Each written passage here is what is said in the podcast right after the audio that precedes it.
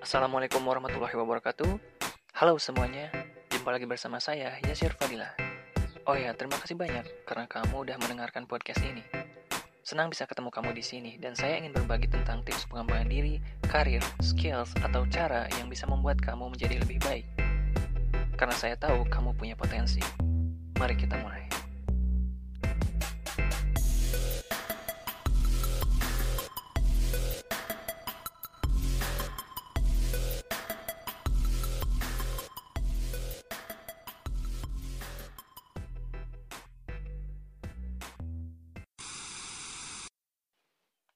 Tepat di tanggal 23 Maret malam, saya lahir ke dunia.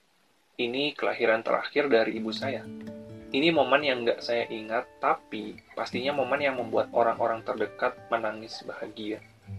Terutama ibu dan bapak. Saya diberi nama Yasir Fadilah.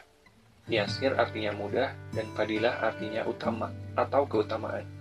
Jadi, harapannya saya bisa mengutamakan kemudahan, khususnya buat orang lain memudahkan urusan, atau memudahkan kesulitan orang lain.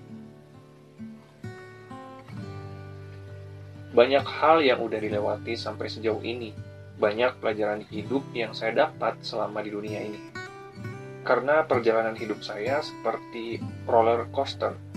Kadang naik, kadang turun, kadang berputar-putar, bikin pusing.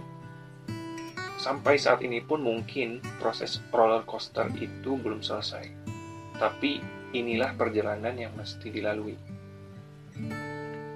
Pelajaran hidup yang penting yang saya pelajari adalah tentang kehidupan itu sendiri, tentang menyadari kehidupan secara menyeluruh, tentang kehidupan yang tampak, berwujud, dan kehidupan yang tak tampak atau goib.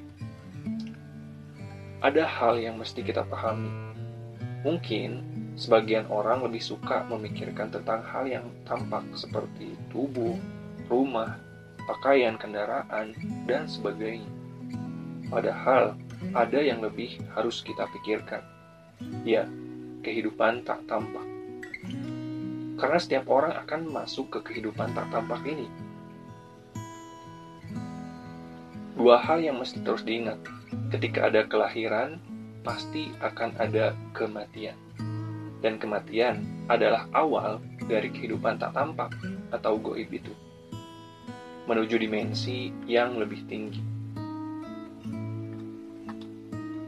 Sesuatu yang tak tampak oleh mata telanjang bukan berarti tak ada, seperti angin, suara, energi, spirit, dan hal tak tampak lainnya.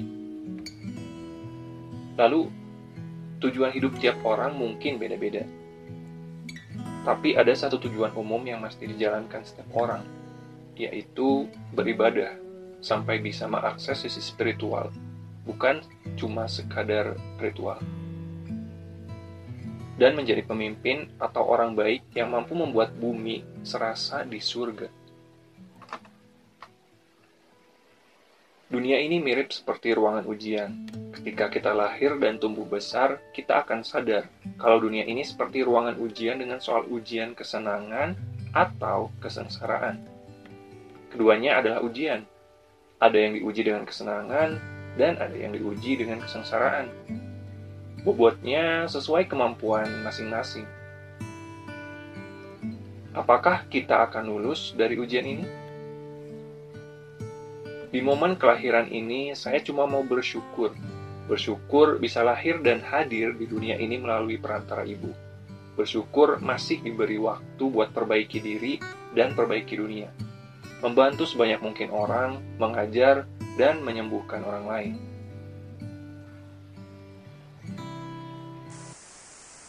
Saya Sirfadila, sampai jumpa di episode selanjutnya.